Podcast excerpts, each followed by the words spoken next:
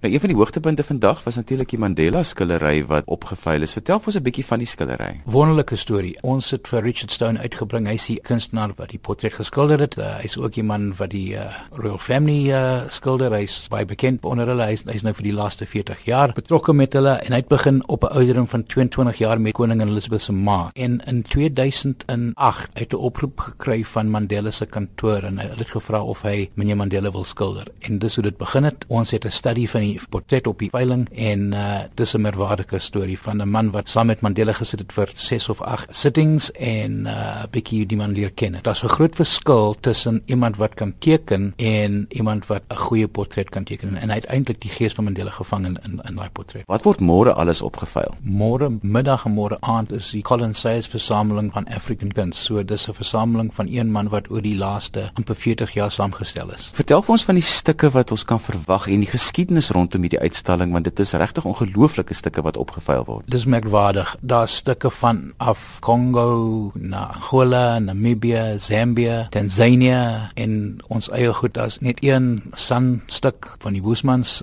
Zulu, Nguni, Tsonga, Khoza, 'n reeks goed wat uitgestal word, maar museumkwaliteit stukke in die veiling. Die interessante ding is dit is mense altyd kyk na hierdie Afrika kuns, dan voel dit vir jou soos kuriositeite, maar dis nie regtig so nie. Daar's 'n groot verskil tussen kuriositeite en die ware Jakob. Goed wat eintlik gebruik is deur die mense in hulle dorpe is eg en reg, maar die wat langs die pad verkoop word is beslis nie die regte ding nie. En die onderwerp wat ek gesien het binne die persvrystelling is is van kraal tot kubisme. Vertel vir my wat jy daarmee bedoel. In die vroeë 20ste eeu het African kuns 'n groot invloed gehad op kunstenaars soos Picasso, Braque en so aan. Die, the graphic ideology het eintlik 'n groot invloed gehad oor kubisme en dis eintlik waaroor dit gaan want mense van die kraal tot kubisme, hulle het nie eers geweet hulle het kuns gemaak nie. Hulle het goed gemaak wat wat, wat hulle gebruik het en die kuns was amper bygevoeg. Dis eintlik waaroor dit gaan. Daar was van spesifieke hoogtepunte op die veiling. Man is baie Zulu headdress byvoorbeeld. Daar is van hulle wat skaars is en daar's paar baie mooi is. Daar's 'n uh, Corey kopstuk wat deur die Herreras gebruik was. Daar is seker minder as 20 van hulle nog wat nog bestaan en 'n uh, skaars goed goed wat ons nie weer gaan sien nie. Hoe lyk die profiel van 'n koper van Afrika kuns? Die versamelaars van Afrika kuns is daar's redelik baie min van hulle, maar hulle weet wat hulle wil hê. So 'n stok of 'n uh, kopstuk is bietjie spesifiek, maar hulle weet wat hulle versamel en hulle ken hulle vak baie baie goed. Afrika kuns het redelik onlangs eintlik op veilinge begin